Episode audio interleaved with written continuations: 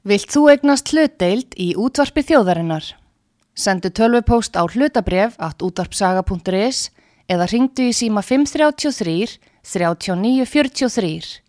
Útvarpsaga stendur vörð um tjáningafrelsið.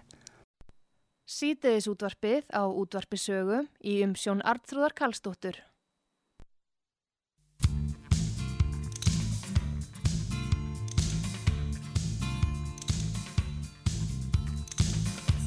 Það jafnast ekkert á við það. Að þrjuma sér í gott sólbað. Og liggja á bekk með bland og bús. Og bjórin tegur lítið skrús á spáni gott að djam og djúsa diskotekonum á. Sólbrandur með kvikta brúsa í sandulum og ermalösum ból grísavisla, sangria og sjó. Senjorítið sjóskýði og bjó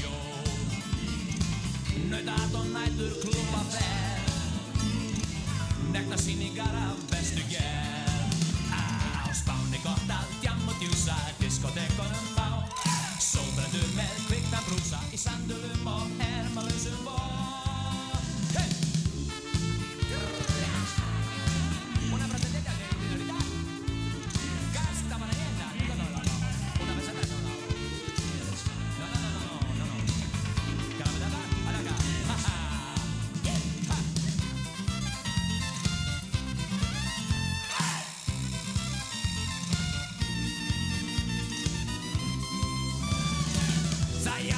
ekkert á við það. Að þrjuma sér í gott sófa. Og liggja á bekk með bland og bús og bjórin tegur lítið skrús á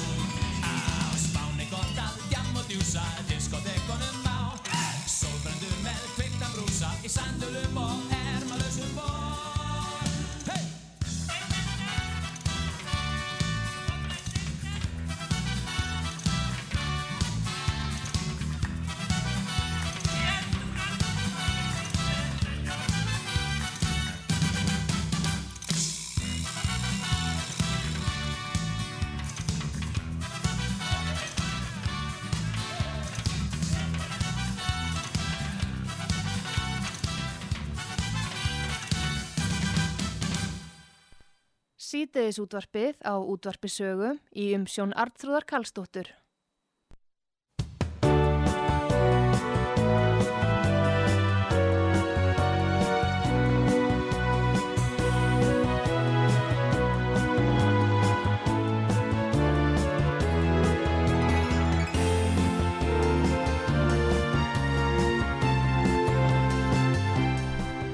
Komið þið sæl eh, þegar að hlusta út að sögu Artrúðu Kallstóttir heilsar ykkur. Drauma eignin á Spáni og eh, spán, spán með heimili fyrir þig, þitt annað heimili.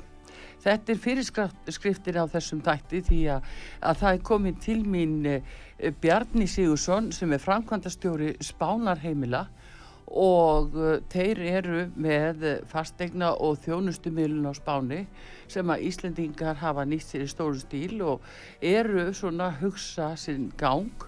Og hann ætlar að segja okkur svona frá helstu atriðin sem fólk þarf að hafa í huga og, og hvað bóðið eru upp á og, og svona hver áhættan getur verið og hver er bara tóngleði. Góðan dag Bjarni og velkomin út á sögu. Já, góðan dag. Ég sagði tóngleði, er þetta ekki bara tóngleði? Þetta, þetta er tómgleði, þetta er tómgleði, já. einn tómgleði. Heyrðu, en segð okkur frá uh, uh, þínu fyrirtæki og, og þessari þjónustu sem þið veiti, Spánar heimili. Já, Spánarheimili, við erum fastegna á þjónustu miðlun, erum með skrifstofu bæði á Íslandi og á Spáni og við erum átta sem vinnu hjá fyrirtækinu, þrjú, eða rauninni fjögur staðsett hér á Íslandi og síðan fjóri Íslendingar staðsettir á Spáni.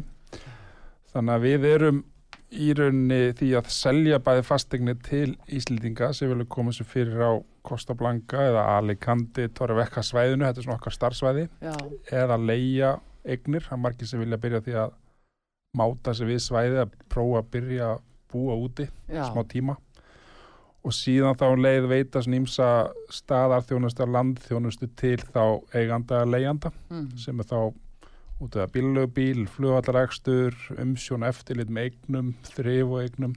Já. Þannig að við runni snertiflutinur okkar eru bara ymsir og margir. Hvað Já. var þar þjónustil íslendinga sem að annarkot leia eða kaupa sér eignur að spanni? Já, er það þá kannski þannig að, að fólk fer fyrst út við leia í hvað þrjá mánuði, sex mánuði eða jafnvel eitt ár áður en það tekur þessa ákvöðun.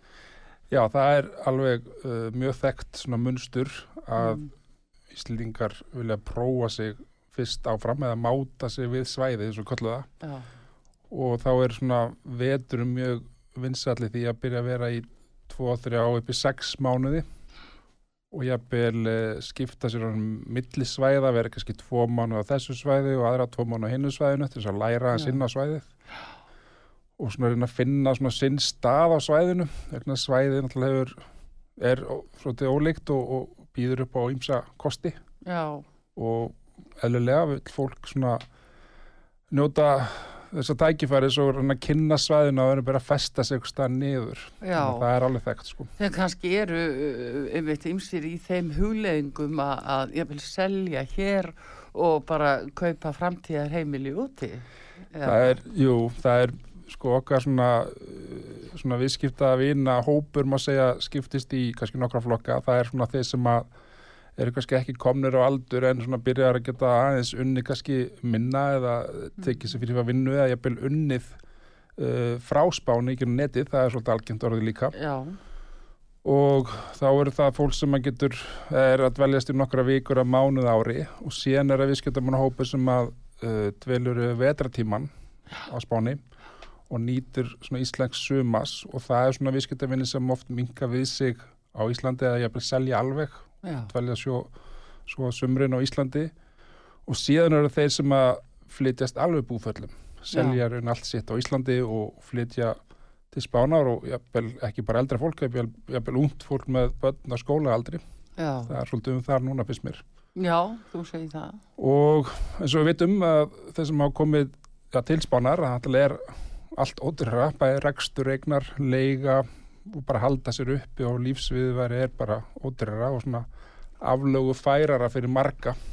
Já, en hérna það má kannski segja sko af hverju hverju, eh, hvað eru margir, veistu hvað eru margir Íslendingar til dæmis á Kosta Blanka svæðinu?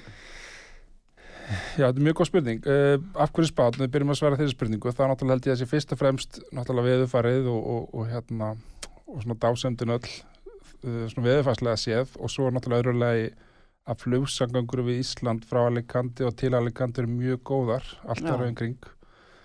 Uh, það eru þrjú flugu í viku á veiturnar og alveg í sex flugu í viku á sumrin, það voru frá haust.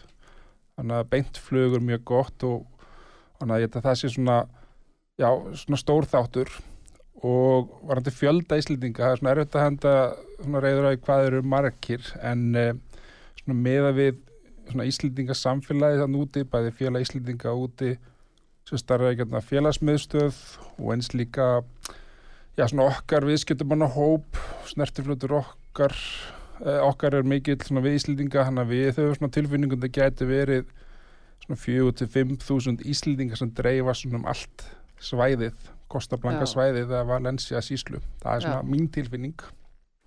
En hérna, mm, þegar þú talar um þetta svæði nákvæmlega, hver er svona munur eins og fyrir þá sem að, já, er að fara svona þessa leið í fyrsta skipti og, og hugsa um, jú, eh, Alicante eða Torja Vega eh, á hverjum staðnum eða svo er náttúrulega einhverju bæir og strandbæir þarna á milli, eh, sko, eh, hver er munurinn þarna? Já, sko, þegar maður talar um Kostablanka svæðið, þá er maður að tala raunni þá annars vegar um Kostablanka söðusvæðið og Kostablanka norðusvæðið og í Mm. miðju þess er Alicante sem er svona höfuborg þessa héras, þessa Alicante héras sem er í Mm. Valencia síslu. Uh, norður Kostablanka svæðið er svolítið einkennandi fyrir mikið landslag, fjallendsvæði, mikið um strandbæi, svona minnibæi og uh, það eru svæði sem að margi íslendinga þekkja sem hafa farið á típisku sólandaferri til Benidorm og Kalpi og Albýr og svona íslensku ferðiskrafstofan að bjóða upp á. Já, Suðusvæði, svona lálendrasvæði og það er þekktara fyrir að vera svona ollóshúsasvæði ekki bara Íslendinga heldur bara Evrópubúa. Og svo ég segi ofta þetta er bara svona svo litla Evrópa. Þarna Mm. safnast mikið af uh, Evrópubúum saman. Uh, og það eru stórsvæði sem skiptast jú líka í minni bæi og, og minni borgir sem blandast á mikið með heimamönnum að spáverðin sem búa þar líka svona fjölþjóðlegt samfélag þar finnum maður þjónustu fyrirtæki sem eru hefur með útubú frá sína heimalandi hús þýskir bankar, bresk tryggingafélag og jafnvel skandinaviski bankar Já. þannig að svona, fólk finnur allt þar á þessu svæði Mhm. Fjölbreytnin mikil þar, þú finnur allt, það er golfið, það er sjósportið, það er uh, öll afþreying, það er mikið þar því svæði, mikið þjónust af hendina, þetta svæði hefur svolítið byggst upp hann að söðu svæði með tillit til svona þarfa óska útlendingana, Já. undanfærin ár hefur uh, þetta breyst svolítið, skandinavar og norðaröfubúar sækja svolítið mikið á þetta svæði og ég held að sé sérstaklega svona frá því að innviðirnir eru mjög sterkir orðnir og góður á þessu svæði Mhm. góðu spítala, gott heilbriðiskerfi og það er það sem að norðurarubúar sækjast eftir hafi lægi Já. En, til, en veistu til dæmis um fjölda Íslandinga við tökum bara eins og Valencius uh, svæðinu uh, hva, hvað eru til þess margir Íslandingar uh, bara búsettir þarna uh, já, minnst kosti hluta ásins það er nefnilega þetta er svona að vera áhuga spurning að leita svara við en Mm. við hefum aldrei fengið neitt svona svör beint við því en, en þetta er svo dreift, það er svo erfitt að finna svaraði spurningu vegna þess að Uh, sko, fólk er ekki með fasta búsötu hérna, samkvæmt uh, fólk getur dvalið hérna nokkra mánuði eða vikur ára og þurfa að færa búsötu rétt sinn Já. til spánar ég myndur frekar kannski orða spurninguna þannig hversu margir Íslendingar eiga orðið þannig eignir að hluti eignum. Já, er já þá það.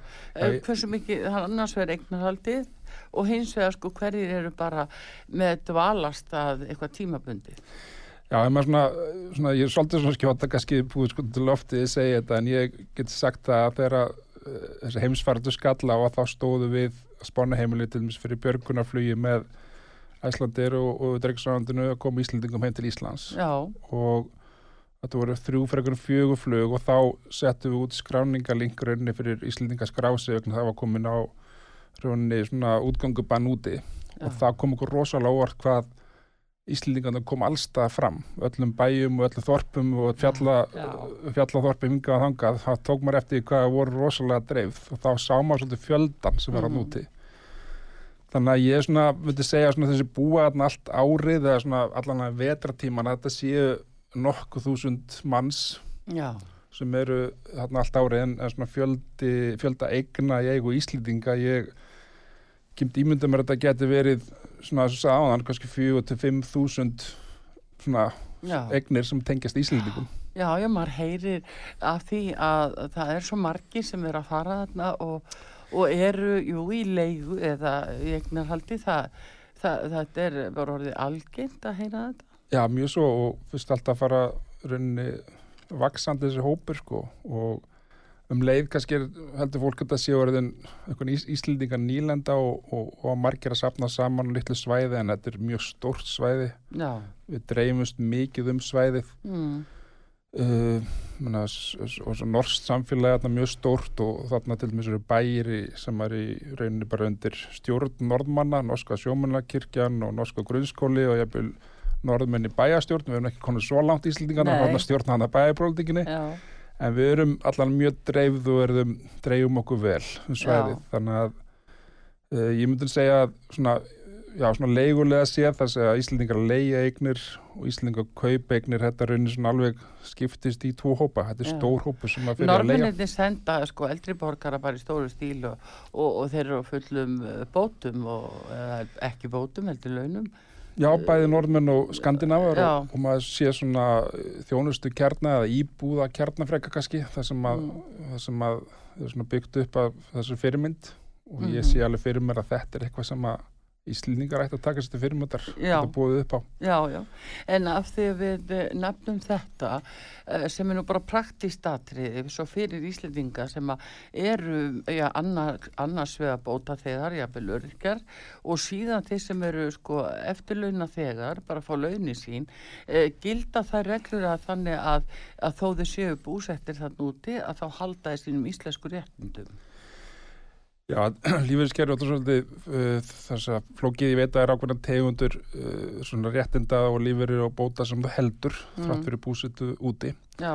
Uh, og síðan aðra tegundur að bóta og, og, og, og, og hérna, lífeyri sem að raunni dvalaríkið tekur að sér að greiða og flytur lögumilurinn yfir.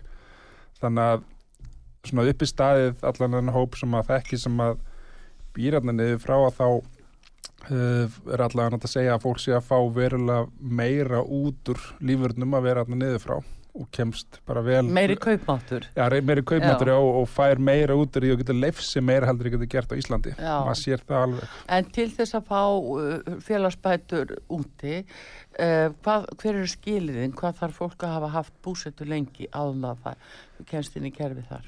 Sko allan að löginum lögheimili eru þannig að þú þarft að dvelja meir en 180 daga í landu til þess að þarft að færa lögheimili þá yfir í dvalaríkis og dvelur. Já, Þannig að mönnu segja sko eftir sex mánuð það byrja skilda sangat íslensku lögum að færa lögheimili frá Íslandi til þess ríkis og dvelur. já, Og eins og sagði áðan, uh, þú reyni heldur ákveðnum bótum og lífurinn þrátt fyrir að flytja lögheimilið mm ákveðna tegundum en svo er það svona aðrir bótaflokkar og lífeyrisflokkar sem að þú raunni missir en dvala ríkið tekur það að sér að greiða sko. en að svona fjárhæðarlega séður náttúrulega þær upphæðin náttúrulega lægri á já, Spáni heldur en Íslandi. Já, já, þannig að þetta er svolítið flóki kerfi maður er raun að fara í gegnum þetta og hjálpa fólki en, en, en best er að leita til við komum til sjóðs eða dringastofnunar og, Já. fá bara nákvæmt svar við þessu Akkurat, því að sko þetta gæti verið svona hlutur finnst manni sem að myndi vefjast aðeins fyrir fólki að það myndi ekkit vilja að missa sín réttindi þó það myndi vilja að flytja búsettu og því er- kannski kaupi sitt húsnæði en á alveg sko þennan íslenska rétt. Að því, uh, að því er það svolítið vinsalt þess að áðan að, að fólk byrjar á því að vera kannski þrjá til sex mánuði Já, og missir ekki sér réttindi. Það byrjar kannski á því að leia bara sína eign hér úti eða það út á Íslandi og, og byrja að leia eign á Spáni í þrjá til sex mánuði og prófa þetta. Og, og jafnvel eru sumir sem gera þetta þannig þeir dvelja bara út á veturnum þessu fyrirkomul og koma heim og dvelja svo á sumrin hinnamánuðina en er ekki að flytast alveg búförlum Nei, mitt. Jú, það er nú það sem er. En hva, hvernig er verðlægið eins og á leigu íbúðum tökum það sem dæmi? Það er annars verið í fjölbýlishúsi og eins vegar í einbýlishúsi eða raðhúsi. Hvert er svona meðalverð á því í leigu?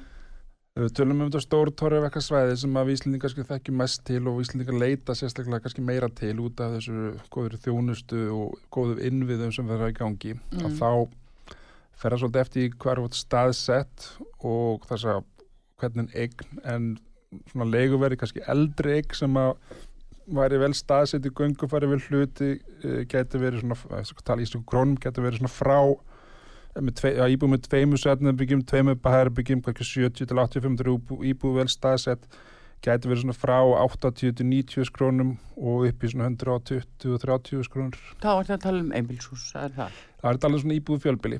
Já, íbúið fjölbýli, já. Einbýlishús, lítið, eh, lítið parhús, Já. lítið raðhús Mm, með tveimu til þrjumar herbyggjum. Þá erum við að tala í svona langtímalega mánuði svona frá, já, svona frá 100.000 og upp kannski 150.000 já, á mánuði.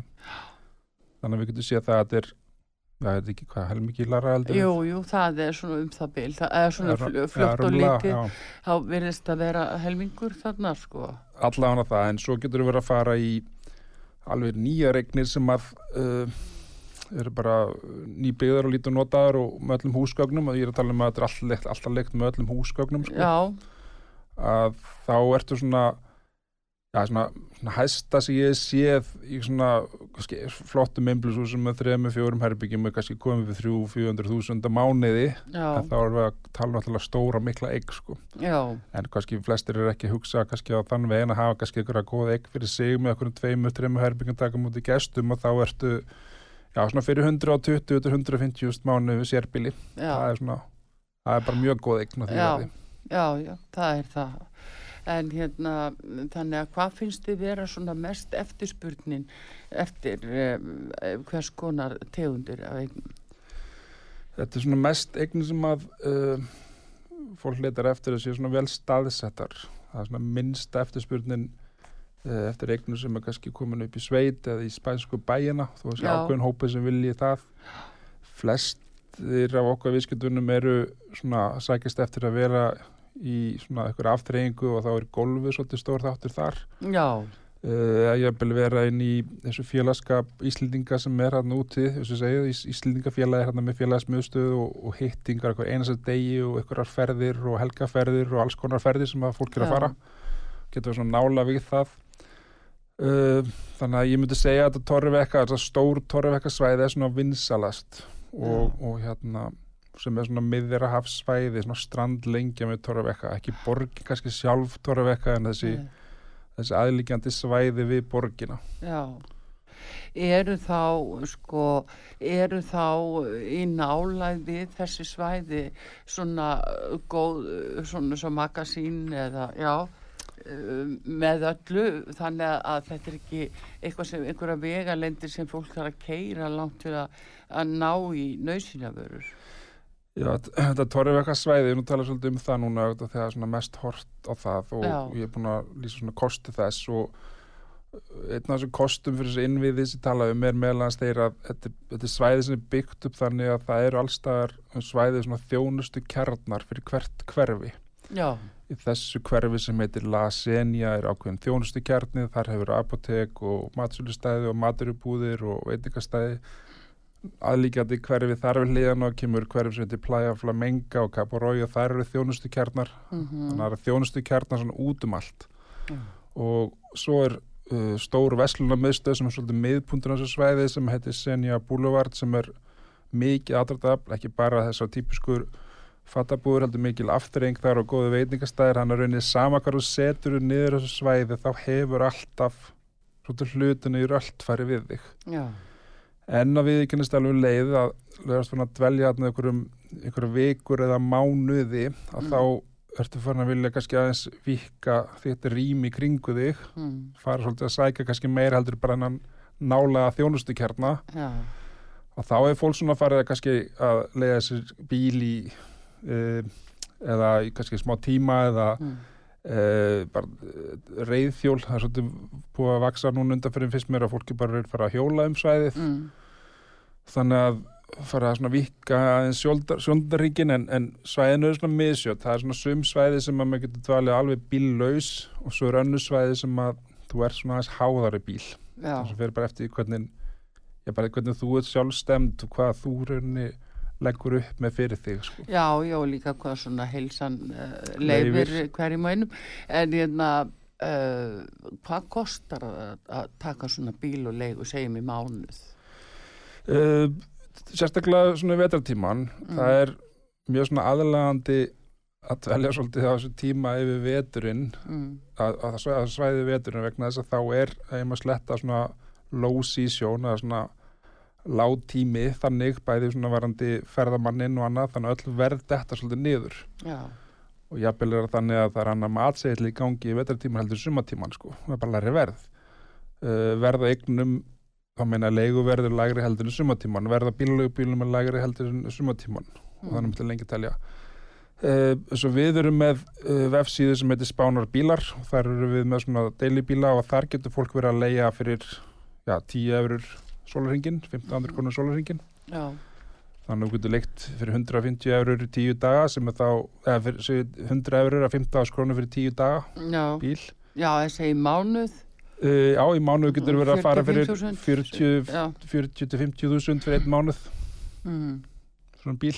Já, það er vennulega vikuverðið við sumari sko. Já, og það er unni sama með eigninnar þess að þú ert að leia mánuði sem sagði það áðan kannski frá 80.000 krónur upp í hvað, 150.000 fyrir íbúða mánuði það er oftar en ekki kannski leigu verið í júli ágúst á viku já, fyrir íbúð sko já, það, fjölga svo rosalega fólkinu á svæðinu og það er bara komin önnu verð já.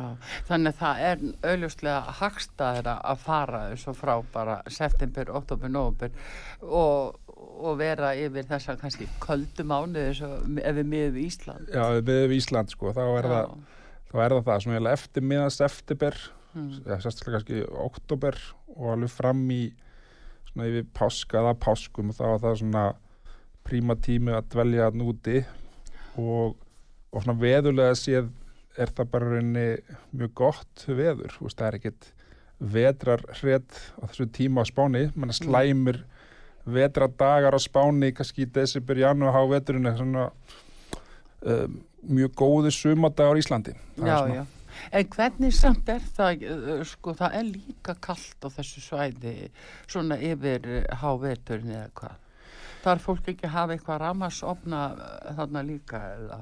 Jú, þetta er sko, mér náttúrulega, svona, eins og segi, við háveturinn á þessu svæði að þá getur, það er svona yfirleitt eru við kringum 18 til 20 gráður við daginn, en ef sólið sest að þá uh, fara það svo kólna og þú ert fann að vilja draga fram létta úlpu eða flýspessu á kvöldin. Já, Uh, slæmir daga þegar það er svona hráslagalegt og, og rók og þá getur hittast í dotti kannski niður í 16 gráð- gráður á daginn. mm En já, yfir vetratíman svona frá með november og kannski fram í mars að þá ertu farin að þurfa og vilja hafa góða hitun eignunum, nóttinni sérstaklega mm. og þá er það yfirleitt og það er í öllum eignum, það eru þessi loftrasti kerfi eða við kallum að þessi erkontæki sem að raunni blása þá heitu lofti. Já, eða þá sömurinn blása köldu lofti. Mm og það er í öllum eignum. Það 99% eigna eru þessu tæki. Í sumu tilugum er þessu tæki kannski nógu öflug sérstaklega ekki eldri eignunum að þá að fólk fara að draga fram ramasofnana til þess að hafa hita en, en maður nú við fólk að passa svolítið á þeim vegna þessu litlu ramasofnar oft eru taka mikið til sín og getur Já. hækka ramasafningin verulega. Já, En þetta er svolítið atrið sem við leipunum okkur viðskiptuvinu um vegna þess að uh, viðmæli myndir er með því að fólk sé frekar en að finna sér nýlega regnir til þess að leia. Ástæðan er einfallega svo að fyrir um tíu ári síðan þá breyttist byggingareglgirn úti og nú er svolítið byggt þannig að það er komin einangrinu veggi, tvöfalt já, gler, hitt í gólf, jafnvel. Þannig að bara þessi litla einangrun í þessu nýlegu megnum það skiptur þau bara máli vetartíman. já, Það er svona í þessu elstu gömlu eignum og þá getur verið hlutastlega dýrt að bara hita þær eignir sko. Já, því og sko. halda því, halda því í jafnvægi. Já, Já, Já. Heyrðu, uh, Bjarni Sigursson, frangandastjóri Spánarheimila, gestur hér á útarpi sögu og við erum auðvitað að ræða um uh, að finna drauma eignina á Spáni og við ætlum að fá auðlýsingar hér á útarpi sögu en komum svo aftur og höldum áfram.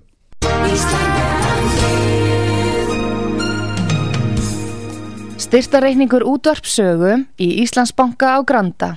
Útubú 513, höfubók 26, reikningur 2.11.11. Nánari upplýsingar á útvarpsaga.is. Takk fyrir stöðningin. Sýteðis útvarpið á útvarpisögu í umsjón Arnþróðar Karlsdóttur.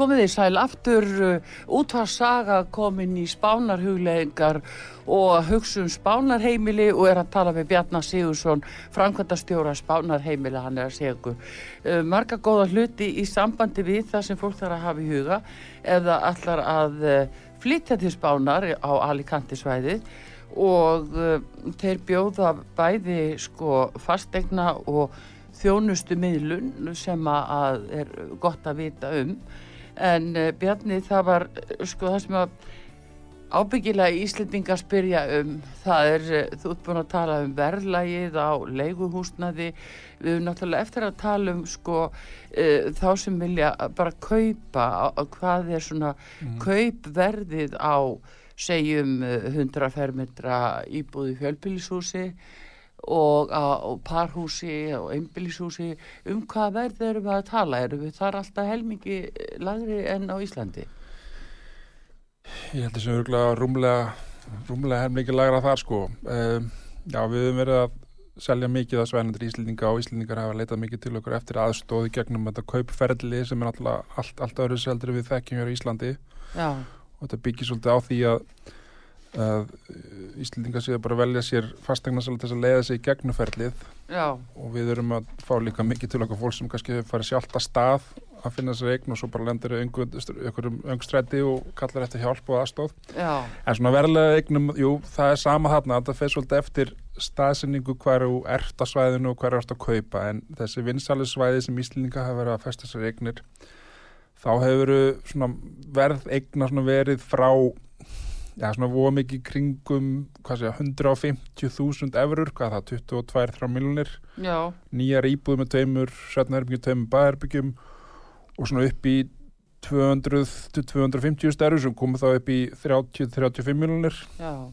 það er svona, það er Það helmingsverð erum við að tala um kannski 80 og upp í 120 verðmetra. Já, svona 80 pluss Já. mínus Já, og síðan getur við verið að fara já, bara svona rifið upp í kollunum lítil sérbíli lítil parhús, lítil raðhús á þessu vinsalisvæðum mm, uh, við aðeins svona í jaðarsvæðin kannski ekki alveg svona á ströndu og þá ertu komin upp í kannski 35 til 40 miljonir fyrir bara gott sérbíli, já, lítið sérbíli já, svona 120 verðmundra pluss mínus. Já, þannig að já, þetta er svolítið verðmunum með þess að þekkjum í Íslandi já, já. Það, já, já, og ekki bara, En- og eins með maður grýpir nýja svo með talandum um að kaupa eignir, Íslendingar geta fengið lán í spænsku bönkum allt til 25 ára. Já, og við erum að útvega okkar viðskiptunum lán með 1,9% vök- vöxtum óveitröðu vöxtum óverðtriður. þannig að þetta er svolítið mikill munur Já, heldur betur, hérna, en segð mér uh, hvaða hvað er fylgja því, eða þá bara með veði í fastegn, er, en láta þér það duga, fá fyrsta annan veðri. Já, það er rauninni bara fyrsti veðrættur og Mm. 70% uh, lán Já, með við verðmat eignarinnar og allt til 25 ára.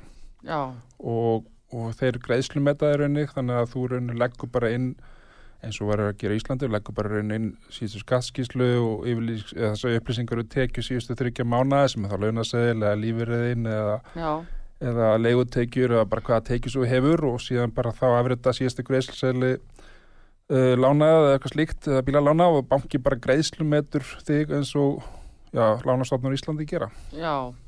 En þannig ef við, ef við værum að tala til dæmis um 30 miljóna uh, krónu íbúð sem væri þá svona cirka 100 fermetra kannski, að þá þarf fólk að eiga kannski 9 miljónir í útborgun og hitt myndi banki lána Já. með 1,9%. Já, uh, nema eitt viðbótu við þessu sem er svolítið öðruðs í þessu kaupferli sem fólk verður að átta sig á að öll verð sem að þú sérð hvort sem að heimasíðum eða spáni eða uppgefum verð á eignum eru verð án skatts vegna þess að leggst 10% skattur ofan á öll verð sem spænska ríki tekur til sín, svona söluskattur Já, Þannig á kaup og sölu.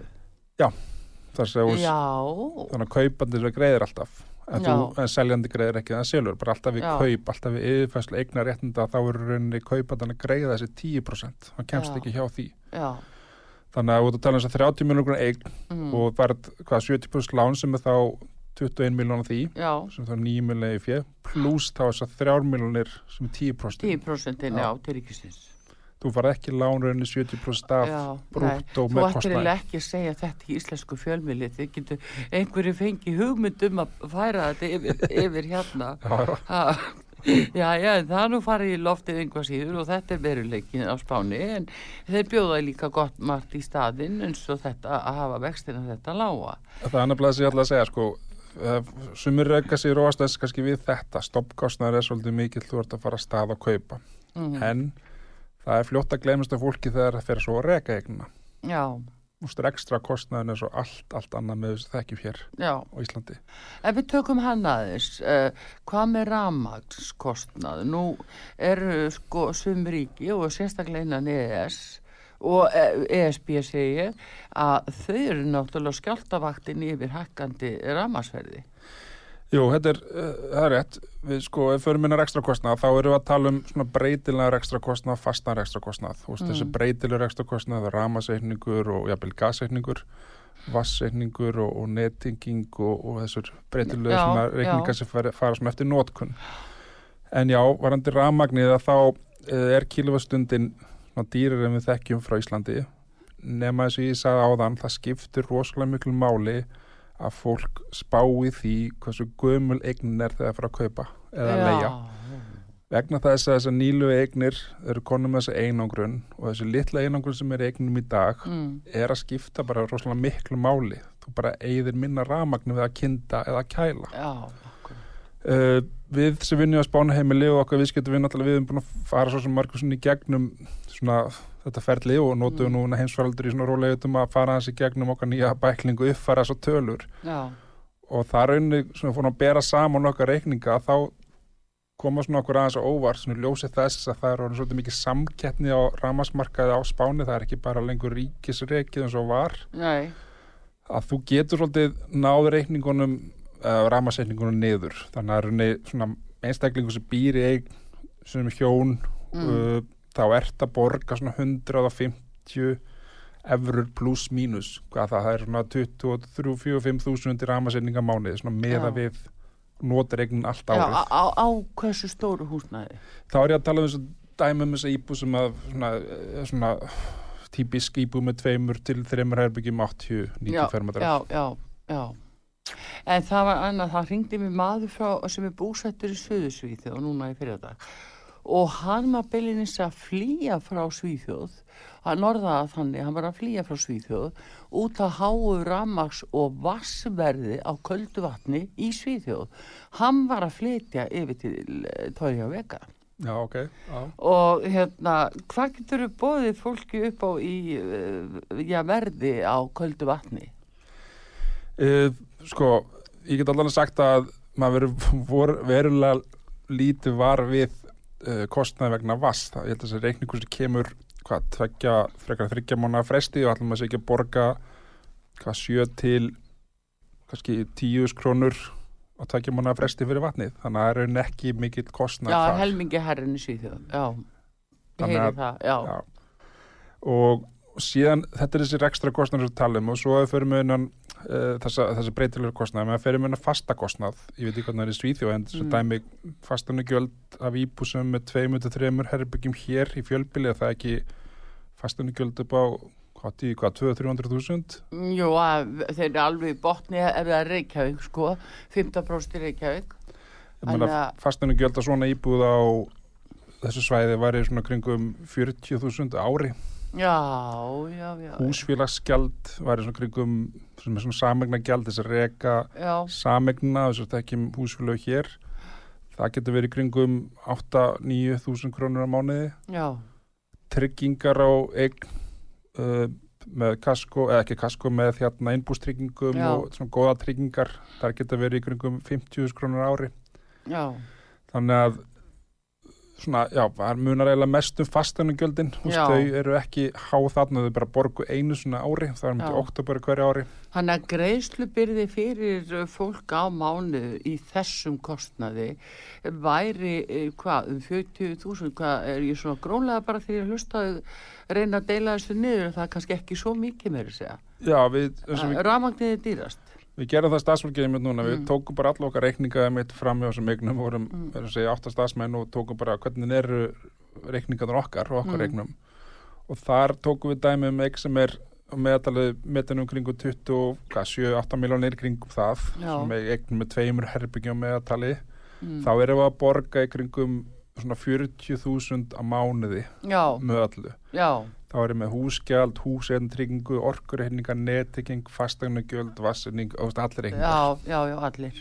Já, Það vantar bara hann inn í afborgun lána. já, já, þannig að þetta er, eh, já, já, til 25 ára. En uh, hérna, mm, það er nú svona að mörg að huga. En uh, varðandi svona væntingar fólks uh, þegar það svona kannski ringir ykkur í spánarheimili og segir, já, heyrðu, mig langar nú að uh, aðtöfa með eitthvað núti. Hver eru svona væntingarna? Hvað er það svona sem fólk uh, býst við? Sko það er svona okkar viðskiptavinni sem hafa samband. Þetta er, uh, þetta er hópur viðskiptavinni sem hefur oftar en ekki kannski komið á svæði áður að þekki það aðeins. Og Já. hefur oft svona skoðunir á því hvað það vill vera. Mm, Jafnvel vill vera ákveðinu svæði. mm, Síðan eru viðskiptavinni sem að rauninni hafa bara heyrt af öðrum sem er á svæðinu og aldrei komið að nút. Þannig að væntingafólks eru þessar að aðalega svona bara veðulega séð margir Já. sem að rauninni kannski læknisráðir að flytja út. já, já, Það er- nú hann bara. nú líkast til, já. maður fer að upp að skrifa að lækna að þurfa að flytja til spánar, maður finnur það stundum en það hefur svona væntinga til svona, svona þægilegra lífs já, ég kannski orða bara þannig. Svona bæði svona uh, geta leifsir aðeins betur hlutina það fyrir Mm. kannski frekar meir út að borða á spáni það mataverði lagarra uh, og svona félagslega og veðurfarslega að sé að þá er þetta svona, svona íti fólkin svona meira út í svolítið aðeins. er svona meiri ró yfir þessu svæði til þeim samanborið við hér? Handla, við erum að tala um höfuborgarsvæði núna þar sem er mikill hraði og streyta en uh, kannski minna út á landi það er uh, meira jafnvægi þar. En uh, á þessu svæði er, er þessi kyrð og ró yfir fólki og uh, ekki eins mikið spenna? Það er algjörlega þannig. Maður, maður heyrir það bæði frá okkar viðskiptvinnum og eins bara við sjálf sem erum að fara mikið til spánar vegna okkar vinnu hjá spánaheimili að mm, maður fer alltaf í svona einhvern annan gýr Já, maður hvað veldur þessu? Í þetta fræga minna, minni svona spenna í gegnum fjölmila eða já ég get sagt bara Mm. dæmi núna ég er búin að fara sexunum út í COVID vegna vinnunar á milli spánar Íslands og ég er ný komið frá spáni kom bara síðustu viku eftir að vera þar í fjóra vikur og ég fann það bara þegar ég kom og settist inn í bílun og keflagluflugulli og, mm, og kvikna útarpunni ég var ómeðvita slögt á útarpunni já, maður er ekki að heyra svona mikið því miður neikvæða nei, fréttir nei, sko. nei, þú bara finn, fi- finnur spennuna. Já, Finnur- spennan einhvern veginn kemur svona upp og þú ert einhvern veginn Já, þú ert svona í öðrum gýr og maður gýrast svolítið niður þegar maður kemur til spánar og maður Mm. gýrast upp þegar maður kemur til Íslands og, og fólk finnur það alveg sem er að núti. Þetta er svona rólera og það er ekki ástæðaleysi sem að þetta fræga slagur sem að spánverið vinna eftir þetta manjana, manjana. Jú, það er jú, svolítið rólera, ég rólera vildi með það í huga sko. það er bara Ítali og já, gerum þetta bara morgun. Gerum þetta bara morgun, gerum þetta morgun. þannig að þú, og maður finnur það nú oft þegar fólk er að koma út og kannski búið verið nokkra daga að það er svona já, tekur nokkra daga bara að gera þess aðeins niður sko. Já, akkurat, ég finnst því að það ekki verið að gera neitt þó Nei. að gera ýmislegt en uh, nær, nær sér ekki niður og það gerist ekkit þó að, að drægist í morgun sko. það Nei, er svolítið þannig nei, nei Svo líka þú nefnir eh, eins og í þessum minni bæjum og, og bara þetta að, að þarna er náttúrulega veðrið svo indislegt að, að það er svo lítið mála að sitja úti og borða að það náttúrulega er kannski marganhátt mjög freistandi og friðsömleg aðtöfn að, og kvildar aðtöfn um leið hvað hún er ánægileg. það er nú akkurat það sko. Ég um, oft tekið eftir því sjálfur þegar maður er að núti hvað maður getur bara glemt sér að því að setjast bara niður með góðan kaffibólla og fylgjast bara með mannlífinu kringu sig í góðu veðri sko. Já, og maður sér það einmitt með sinna viðskiptavinni sem koma að núta fólk jafnvel sem ekki mikið verið að reyfa sig og haldi sig kannski bara meira heima við við sjónvarpan þetta er fólk sem fara að reyfa sig mikið úti við Já. og lappa og ganga og, og setjast að kaffahús og farin að upplega rauninni bara eitthvað reyfingu í þessu yndislega veðufæri sem er núti Já. sem að, já, og, farið og, já, já, farið sjóin og sjóin og, þannig að það er þú ert svona, svona farin komin í annað lífstil þú ert bara að jafnvel að gera hluti sem að þú ella gerir ekki á Íslandi sko, já, já. kannski veðri kallar á En hitastíðin til dæmis yfir sumari, hvað fer það hátt?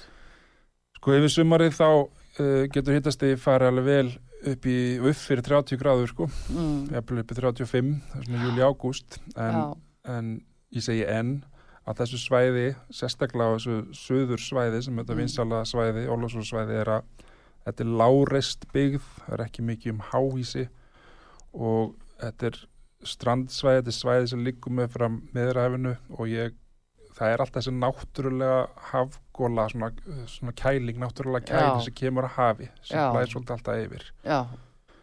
En nú er náttúrulega verið að tala dálítið mikið um hlínun jarðar og, og eh, er þá bæta, er þá á það bætandi eða verði meiri eða verður þú var við þessa umræð og þessar áhyggjur á spáni? Maður verður var, já ég ekki það, maður verður var við það uh, ekki kannski ekki, ekki, kannski hitanum á sumrin, það er svona Mm. meira í vetartíman eins og núna gerist þegar ég var úti að uh, þegar að fyrir að rigna. Já, það rignir oft gífurlega í nokka klukkustundir og það er bara þannig að uh, fránæsli kerfið á spánu er ekki að rekna með öllu þessu ofanfalli. Já, og þá fyllist alltaf vatni og, og jafnvel legur í hús og annað slíkt sko. Það er það sem að spánir hefur meira á að gera af þegar það fyrir að rigna og hversu oft það gerist orðið. Já Það er og eiginlega- bara út af fráræsli. Já, Já. bara þegar heimlæðinu opnast og fyrir að rigna svona mikið sko, það, það er sko hérna áður fyrir, fyrir bara einhverjum 15 ára síðan þegar maður byrjaði að vinna hann að spáni og þá var vandamálið sko að ná í vatnið. Uh, sapna vatnið í vassbólin nú er nóg að því sko það er svona að maður sér alveg þessa breyting á ekki lengri tíma 15 árum sko. já, en lækkar þá ekkit vassverðið? eh, Jú, það er að segja, vassverður aldrei verið neitt vandamálaðna niður frá. Það er ekki nei. verið, sko. Eitt mál sem ég langar svona að tala um við þig, Bjarni, að uh, síðustu allavegna að það er, sko, það er heilsugæsla og sjúkrahús þjónusta um, sem skiptir fólk uh, mjög miklu máli. Þetta er svona ákveði örgisvendil fyrir þá sem að, vilja nú fara út og vera aðna. Um, hvað með kostnað af því fer fólk bara með bláakorti frá sjúkratryggingum og þá ef það rinna á ríkis spítala á viðkomandi svæði þá gilda samningar á milli landa Já, akkurat. Það er bæði innan helsa, sko, mjög gott helsu gæslu kerfi að núti og eins líka spítalarnir, almenningsspítalarnir, að þá er það rauninu bara þannig að þú uh, og þarft að fara í, í segja, á spítala helsgæslu, það sínur bláakortið mm. og þó svo værir ekki með bláakortið, Mm. mm. ekki vegna, þá rauninu sínur bara vegabrefið þitt og þeir taka niður allir upplýsingar og ljósta vegabrefið og þú þarft ekkert að borga neitt komugjald eða neitt slíkt Nei. og þeir senda rauninu bara þá reikningin framhaldin á sjúkatryggingar Íslands. Já, akkurat mann vil að heyra fólki sem að býr það núti og ringir oft til okkar það er að tala um að það þurfum ekkert að borga þó að fari á sjúkrahús eh, heilsugæslu Það er rétt, það er þannig á Íslandi. Nei, á Spáni Já, á segi, Spáni. það er á Spáni. Það er, þú þarft ekki að borga neitt komugjald. Þú sýnir rauninu bara bláa kortið og, og hérna færð það þjónustu þú kallar eftir. já, en það er hins vegar annað eh, í þessu, þetta er þessi almenna ríkis þjónusta og, og samningar á milli landa en svo er annað til líka það er svo skortið Já. sem að tryggingafélögin gefa út Mm og skilja það rétt að sé þá þannig að ef að fólk bráðveikist eða eitthvað þess áttar og þarf að fá sjúkraflug til Íslands að þá grípi svo skortið inn í þetta. Já, og líka það, það eru til dæmis á þessu svæði uh, eru enga sjúkrahús Mm. og það við ekki alveg að, jú, kannski þjónustun er kannski að herra, herri þar heldur en almennings sjúkrahúsin. Já, Uh, þú getur, ég veit dæmi þess að fólk hefur farið bara beint á slík enga sjúkrahús mm og þá þarftu kannski að borga uh, einhverja upphæð strax með kortinu já, en eftir það tekur bara SOS við og endur greið þegar hann er kortið Já. það verður að borga já, og SOS sem hefur Danmörku, við gerum korta er, þeir sjá bara um allt saman í framhald af því. Já, ráleiki þið fólki að fara í gegnum eh, danska sóskortið? Já, það er Er það hagstæðir eða örugara?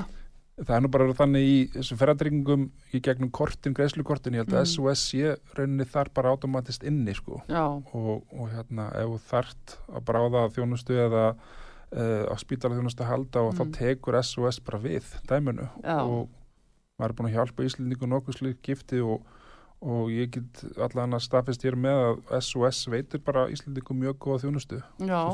Frábært að heyra þetta nefnilega því að þetta er gríðarlega mikið öryggisatri fyrir fólk sem stígur þetta skref og, og hefur kannski fulla ástæðu til og líka hefur áhuga að breyta svolítið til og prófa eitthvað nýtt.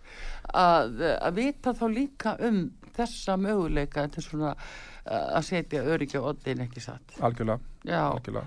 heyrðu, eitthvað fleira bjarni afskaplega gaman að heyra og fróðlegt að heyra frá ykkur hjá spánarheimilum hvað þið eru að gera og, og bjóði fólki upp á og og þetta er svona nýr eh, möguleiki um nýja lífstíl fyrir marga sem að kannski myndi vilja kvíla sig einhver tíma frá landinu hérna, okkar indislega. Já, bara Mm. takk fyrir bóðið og, og, og hérna við erum alltaf til þjónustu reyði búin að aðstofa samlanda til þess að komast út og, og jafnvel upplifa og prófa að vera úti í skemmri tíma og, og máta sig við svæðið þá hann tekur kannski andilega ákvörðun um það hvað vil svo gera framhaldinu. Já, já, kvíla sig og... Já, bara endur hlaða sig. Mhm, já, það er glæsilegt en þið eru semst með, eh, það er spánarheimili.is, er þið með, eh, þið eru með skrifstofur þarna úti, er það líka á sama uh, vefsvæði eða, Já, við erum með spánaheimili.is og við erum líka með sem sagt, uh, vef, vefsíðu sem heitir spán.is og Mm. þar kannski leiðir, svo síða kannski leiðir fólk kannski áfram hvort það sé að spá í kaup eða leigu eða á fasteign eða eða bíl eða golf eða hvað villurinn kalla eftir, hvað þjónustu. Þannig að spán.is eða spánarheimili já. Já, þannig að við erum, segi, við erum í fyrirðinu verslunum með stöð í hafnafyrði með skrifstofu og eins, og eins uh, á Torvekksvæðinu já, en fólk finnur ykkur í, í fyrði í hafnafyrði. Já, ef við vilt bara heimsækja okkur á skrifstofuna Já, það er opið frá 9 til 5 alltaf Það er nefnilega það, heyrðu, frábært hjá ykkur og til hamingi með þetta, Bjarni Sigursson, framkvæmdastjóri Spánarheimila, takk fyrir kominu út á sögu og góðu hlustandi við segjum þetta þá gott, við erum komið með hugan halvan miskusti til Spánar á Torja Vegasvæðið og við ætlum að fá ymitt eitt eh, spánst hérna, það er Eros Rosietti, við ætlum að ljúka þessu og hverja Bjarni Sigursson. Verið þið sæl.